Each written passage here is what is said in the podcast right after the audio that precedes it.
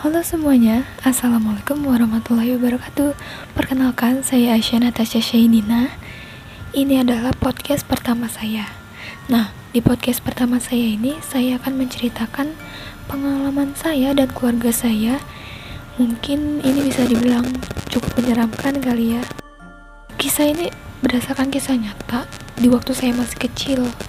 Memang saya tidak begitu ingat cerita ini tapi cerita ini pernah diceritain oleh kakak saya.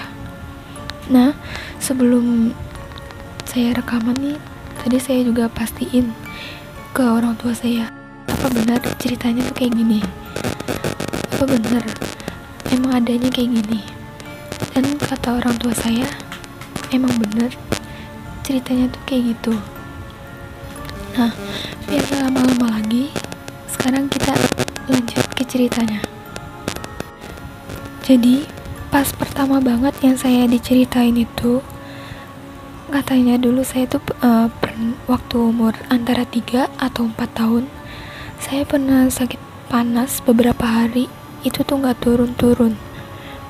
Udah dibawa ke rumah sakit satu, panas panasnya tetap nggak turun. Rumah sakit dua, panasnya juga nggak tetap turun. Rumah sakit tiga, panasnya juga nggak turun-turun. Nah, akhirnya nenek saya tuh ngelihat saya dan katanya tuh mata saya agak beda. Pandangannya kayak agak beda. Kayak bukan saya yang biasanya gitu. Dan, dan nenek saya menyarankan buat ke om saya.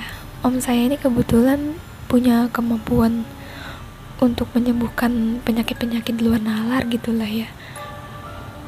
Nah akhirnya om saya datang ke rumah saya dan melihat keadaan saya kayak gimana. Melihat dan melihat keadaan saya kayak gimana gimana. Dan kata om saya saya itu apa ya bisa dibilang kayak ketempelan gitu ya.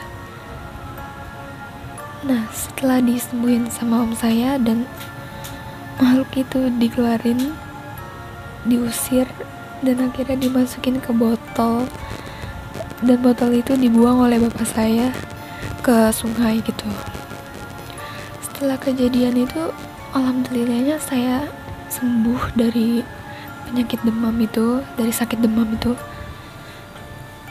Nah tapi setelah beberapa bulan kemudian ternyata nggak nyampe situ ceritanya. Nah setelah beberapa bulan dari kejadian itu pas malam-malam ketika lagi tidur nih mama saya tuh kebangun. Entah kebangun mau ngapain. Nah di kamar orang tua saya itu kan ada lemari lemari yang ada kacanya.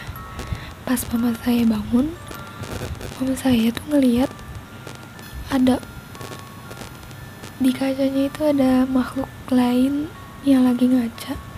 Dan mama saya tuh kaget banget dan pas ngeliat itu nggak bisa ngapa-ngapain nggak bisa ngomong nggak bisa bergerak atau ngapain gitu yang lain. Kebesokannya akhirnya lemari itu dihancurin oleh bapak saya dan dibuang. Setelah kejadian itu ternyata masih kelanjutan lagi. Masih ada kejadian-kejadian aneh lain dan kejadian itu di malam-malam hari lagi. Pas malam-malamnya itu uh, kakak-kakak saya kan di kamar. Lagi main gitu ya. Nah bapak saya ini mendengar suara ada yang nangis. Disangka bapak saya itu ini tuh kakak-kakak saya yang lagi main. Tiba-tiba nangis-nangis malam-malam ketika bapak saya ngomong ngapain sih nangis malam-malam? Pas kakak-kakak saya ini keluar ternyata mereka nggak nangis. Dan betapa terkejutnya bapak saya itu kalau yang nangis itu bukan kakak-kakak saya. Setelah masih ada suara itu akhirnya bapak saya ngomong udah malam ngapain pakai nangis-nangis dan akhirnya suara itu berhenti. Dan kebesokannya saya itu main di luar sore-sore. Pas sore itu kan udah mau menjelang maghrib. Pas maghribnya saya disuruh masuk malah nggak mau masuk. Dan malah nangis-nangis malah marah-marah nggak mau masuk. Ternyata bukan hari itu aja. Keesokannya juga besoknya lagi besoknya lagi. Saya tuh tetap nggak mau masuk ketika maghrib. Dan akhirnya orang tua saya itu penasaran kenapa ini sih si saya ini nggak mau masuk ketika maghrib? Dan akhirnya ditanya lagi ke om saya dan katanya saya itu uh, diajak main sama anak kecil dari dunia lain yang bertempat tinggal di belakang rumah saya. Mungkin mungkin anak kecil ini masih ada kali ya sekarang. Saya tidak tahu. Nah kejadian anak kecil ini akhirnya uh, diobatin lagi lah sama om saya. Tapi kali ini nggak dibuang. Masih ada di situ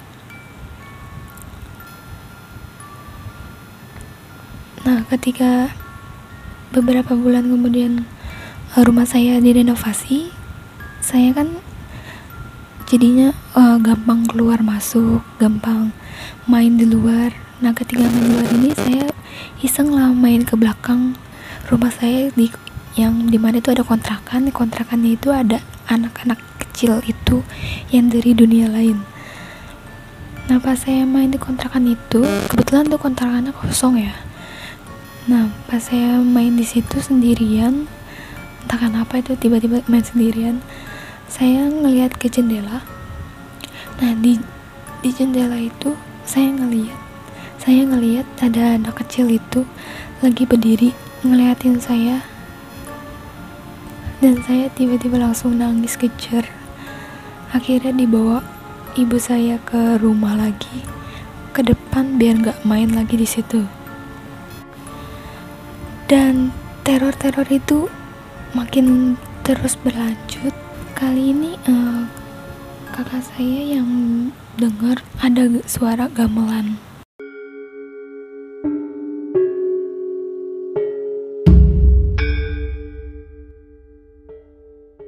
Entah dari mana suara gamelan ini. Padahal di rumah saya di sekitaran daerah rumah saya ini nggak ada yang punya alat itu atau ada yang setel musik itu?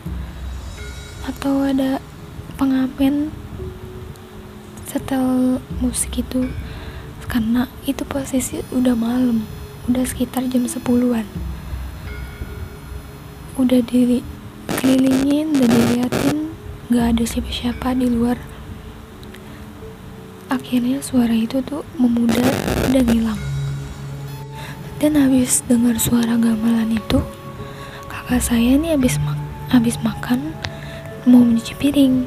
Nah mau nyuci pas habis nyuci piring ketika balik badan dia seperti nabrak sesuatu yang tidak ada wujudnya. Akhirnya kakakku tuh langsung lari masuk kamar dan langsung tidur aja tanpa basa-basi tanpa cerita-cerita dan cerita ngelihat sekelibat-sekelibat itu kakak saya juga bukan itu doang ternyata. Waktu itu kondisinya saya waktu uh, lagi di kamar mandi. Nah kira kakak saya itu itu saya yang lewat dan ternyata bukan. Dia kaget pas saya tiba-tiba keluar dari kamar mandi. Dan ternyata yang di kamar itu bukan saya Hmm, mungkin sampai di situ aja kali ya cerita-cerita horor dari saya. Semoga ke depannya nggak ada lagi cerita-cerita horor seperti ini karena ini menurut saya juga udah lumayan cukup seram. Dan oke, okay, sampai ketemu di episode selanjutnya. Wassalamualaikum warahmatullahi wabarakatuh.